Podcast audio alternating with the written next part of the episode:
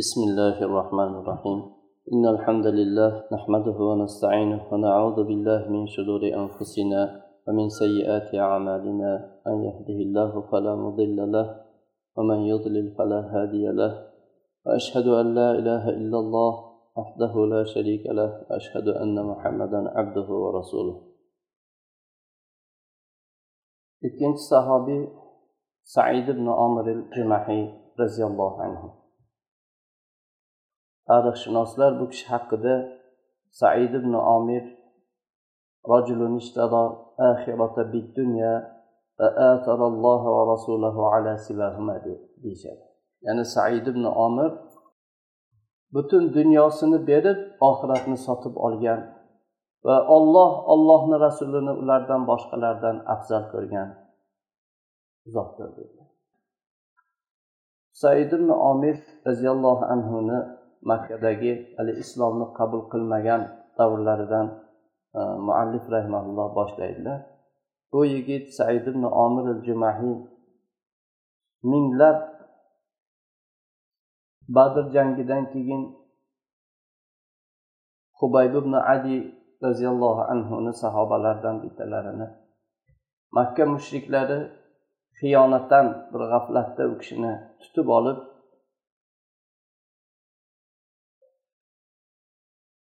keyin bu kishini endi o'ldirishlik uchun haramdan tashqarida bir tanim degan joyda bu kishini o'limiga bir joy tayyorlashgan edi shu kishini o'limini ko'rishlik uchun quraysh boshliqlarining da'vati bilan makkaning tashqarisidagi shu tanim mintaqasiga chiqib ketayotgan minglab kishilarni ichida said ibn omir bu yosh yigit ham bor edi. Bu kishini to'lib turgan yoshligi va shunday gurkirab turgan yigitligi yelkama yelka odamlar bilan tiqilishib borishlikka imkon berdi. Hatto u kishi qurashlarning eng kattalari abu sufyon ibn harb safon ibn umayya va bulardan boshqa bu karvon boshi bo'lib bu jamoatni boshi bo'lib ketayotganlar bilan yelkama yelka bir qatorda bu kishi borar edilar bu holat u kishiga bu qurayshlarning asiri o'zini kishanlar zanjirlari bilan zanjirband qilib olib ketilayotgan holatda buni ko'rishlik imkonini berdi. Ayollar yosh bolalar qo'llari o'lim maydoniga bu kishini shu surib e, niqtab itarib borishar edi bu kishidan bu hubayb roziyallohu anhuning shaxsida muhammad sollallohu alayhi vasallamdan o'ch olishlik va badr kunida o'lganlariga bu kishini o'ldirishlik bilan o'ch olishlik uchun bu kishini shunday surib borishar edi bu katta jamoat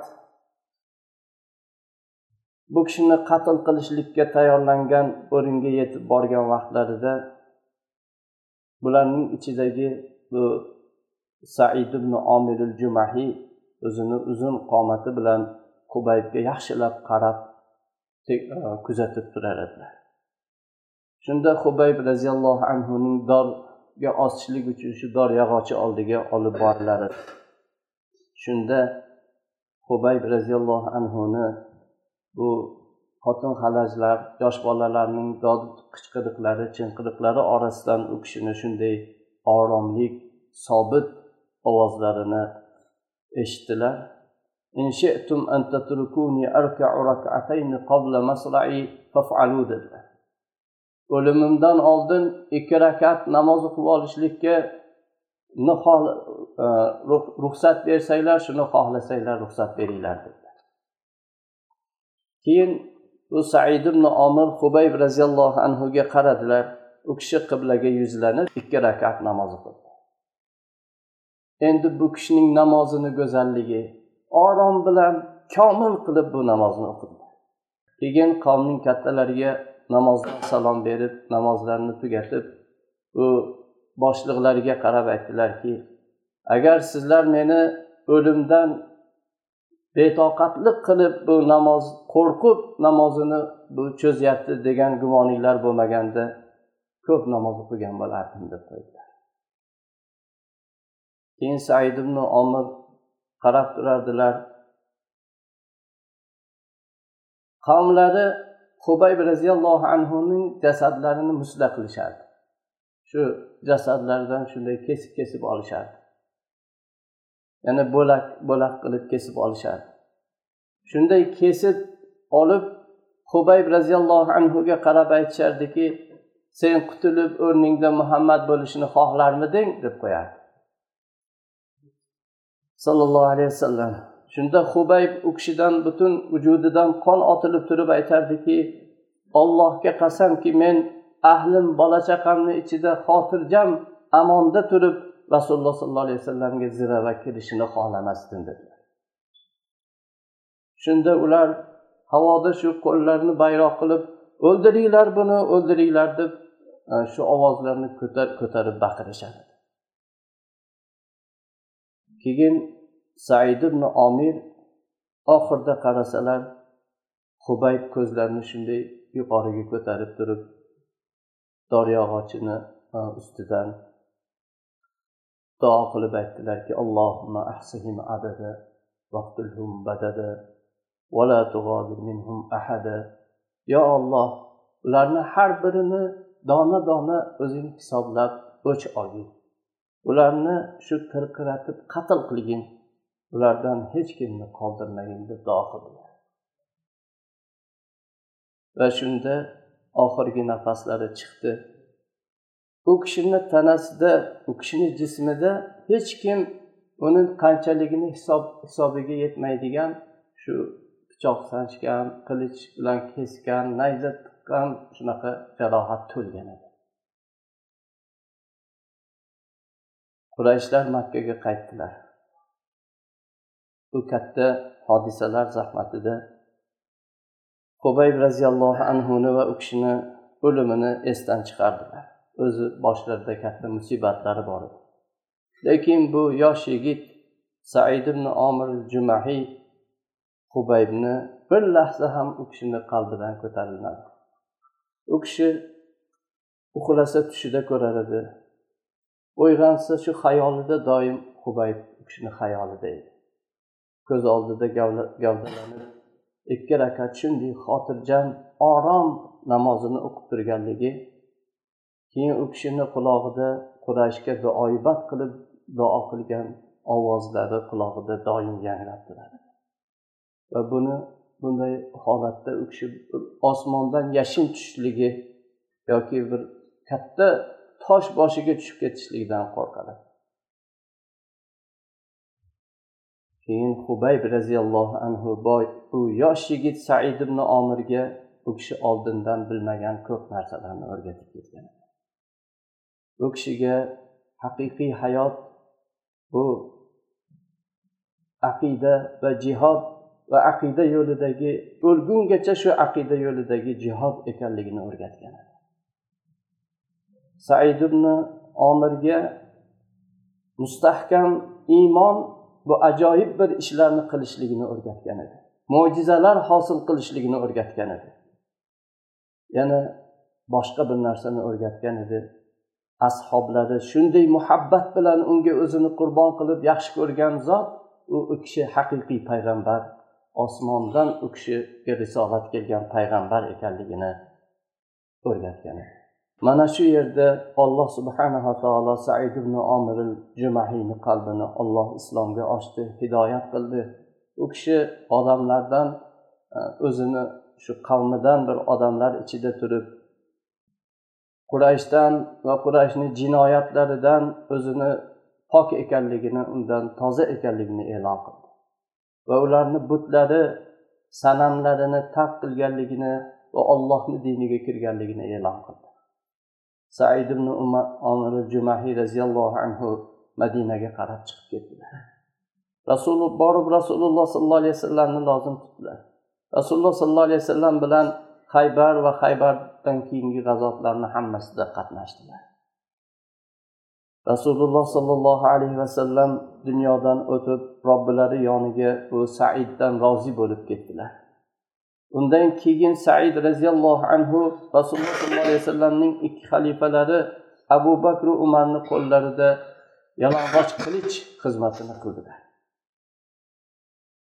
U kishi dunyo bilan oxiratni sotib olgan mo'minlarga yagona bir namuna bo'lib yashadilar. Ollohni roziligini ollohni savobi mukofotini nafs xohishlari jasad shahvatlari istagidan afzal ko'rgan kishilarga namuna bo'lib yashadi.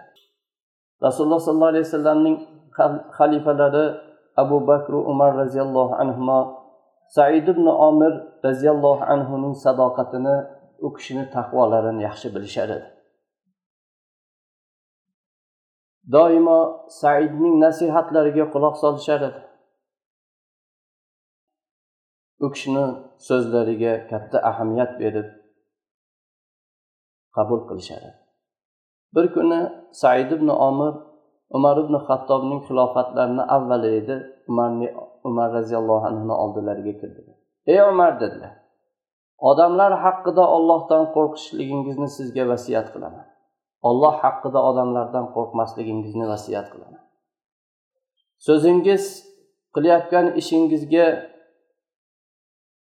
zid bo'lmasligini vasiyat qilaman.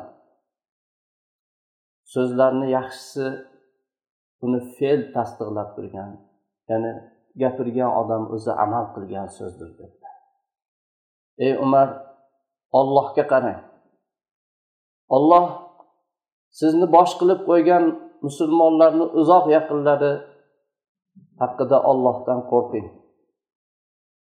O'zingizga xonadoningizga nimani yaxshi ko'rsangiz bu musulmonlarga shuni yaxshi ko'ring.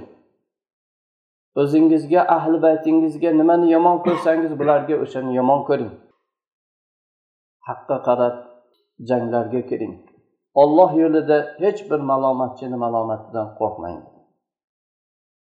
umar roziyallohu anhu ey said bu seni aytganlaringga kim qodir bo'ladi? Said ibn omir bunga muhammad sollallohu alayhi vasallamning ummatining ishiga alloh taolo boshliq qilib qo'ygan sizga o'xshagan inson qodir bo'ladi. U bilan ollohni o'rtasida hech bir vosita qolmagan inson qodir bo'ladi. Shu payt shundan keyin umar ibn hattob saidni bo'lmasa bu ishda menga yordam ber deb o'zlariga yordam berishlikka chaqirdilar aytdilarki ey said men seni hims ahliga boshliq qilib jo'nataman.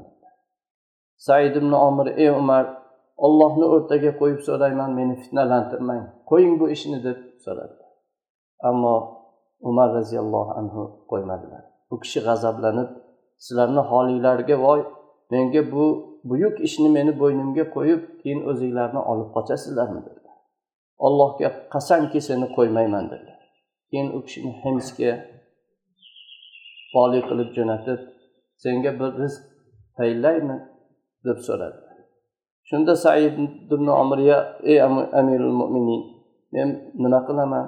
Shu baytul moldan menga berilayotgan inom o'zi hojatimdan ortiqcha bo'lyapti deb himsga qarab ketdilar ozgina vaqt o'tibdi e, o'tgandan keyin amirul mo'minin umar ibn xattobni oldilariga hims ahlidan ba'zi bir ishonchli yaxshi odamlar elchi bo'lib keldilar. Ularga aytdilarki menga Э, ichingizdagi faqirlar miskinlar ya'ni kambag'allarni ro'yxatini yozib beringlar men ularni hojatini o'tay shunda bir ro'yxat ko'tarib keldilar. Yozilgan bunda falonchi falonchi falonchini o'g'li falonchi va said ibn omir deb yozgan. Umar roziyallohu anhu hayratga tushib bu said ibn omir kim? dedilar. Ular amirimiz ya'ni boshlig'imiz. Amiringiz faqirmi deb so'radilar.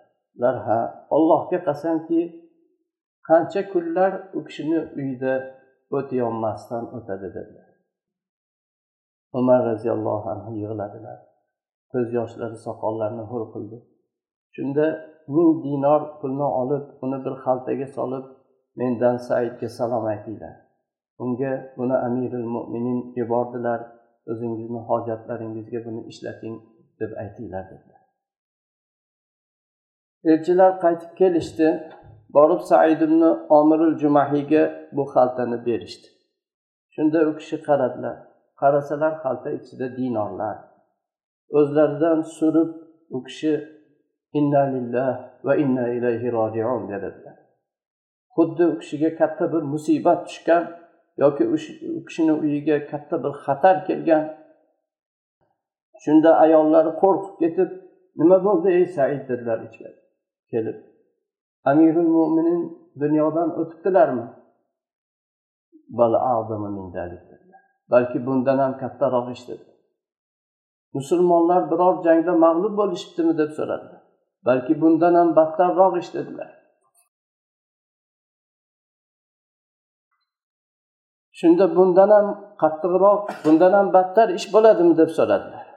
Shunda said roziyallohu anhu oxiratimni fasod qilishlik uchun oxiratimni buzish uchun meni uyimga dunyo kiribdi meni xonadonimga fitna kiribdi dedilar. Unda bu fitnadan qutuling dedi. Yana ayollari bu pul haqida bilmas edi xabarlari yo'q. Shunda said roziyallohu anhu bunga o'zing yordam ber dedilar.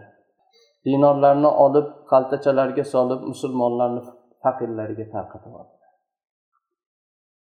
bunga uzoq vaqt o'tmadi hatto umar roziyallohu anhu shom diyorlariga keldilar ya'ni bu hims degani shom diyorlarida.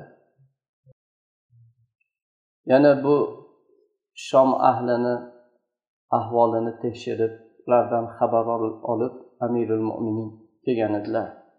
Kelib shu himsga kelib tushganlarida himsni o'sha e, vaqtlarda kuvayfa ko'facha deb chaqirilar ekan himsni ko'faga o'xshaganligidan ya'ni ko'fa ahli o'zlarini voliylaridan boshliqlaridan ko'p shikoyat qiladigan ko'p ularni aybini topadigan shunaqa bo'lishgan ekan. Bu hims ahli ham shunaqa edi. Shunga buni kichkina ko'fa deb atashgan. Umar roziyallohu anhu bu himsga kelganlarida hims ahli rasululloh e, umar roziyallohu anhu bilan uchrashishlikka hammalari chiqib salom berdilar. Shunda umar roziyallohu anhu amiringiz qanday uni qanday topyapsizlar? deb so'radilar umar roziyallohu anhuga ular shikoyat qilib u kishini to'rtta shu xislatlarini aytishdi. Bu xislatlari ular shikoyat qilgan bu fe'llar biri biridan yomonroq edi. Ko'rinishi shunday bir yomon xislatlarni aytishdi.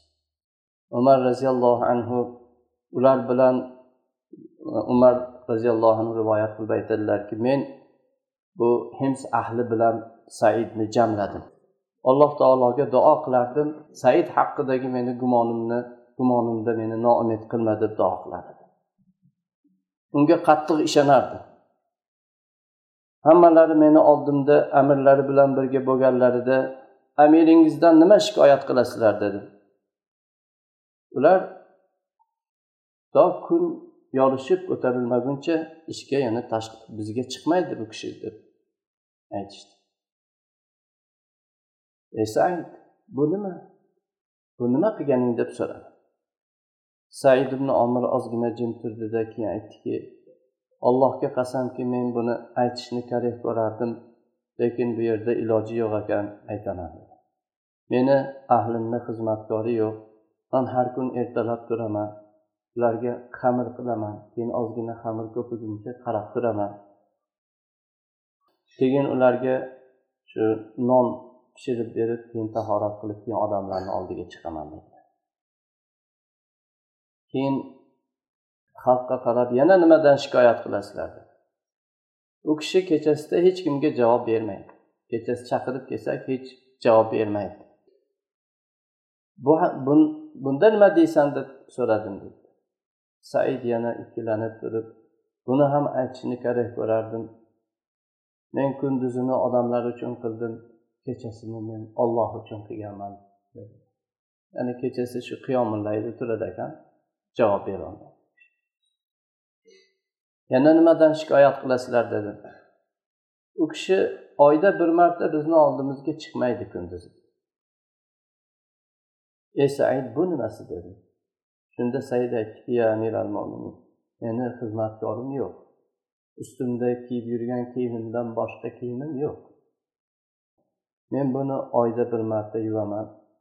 Yuvib shu kiyimlarim quriguncha kutib turaman. Keyin bu kiyimlar qurisa kunni oxirida ularni oldiga chiqaman dedi. Dedi umar roziyallohu anhu aytadilarki yana nimadan shikoyat qilasizlar? dedi. Shunda ba'zi ba'zida bu kishi shunday o'zini yo'qotib qo'yadi. Hushdan ketib shu majlisdagi odamlarni oldida yo'qday bo'lib qoladi u kishi. Na eshitadi na javob beradi. Shunday hushsiz bo'lib qoladi. Ey said bunga nima deysan deb aytdim deydilar.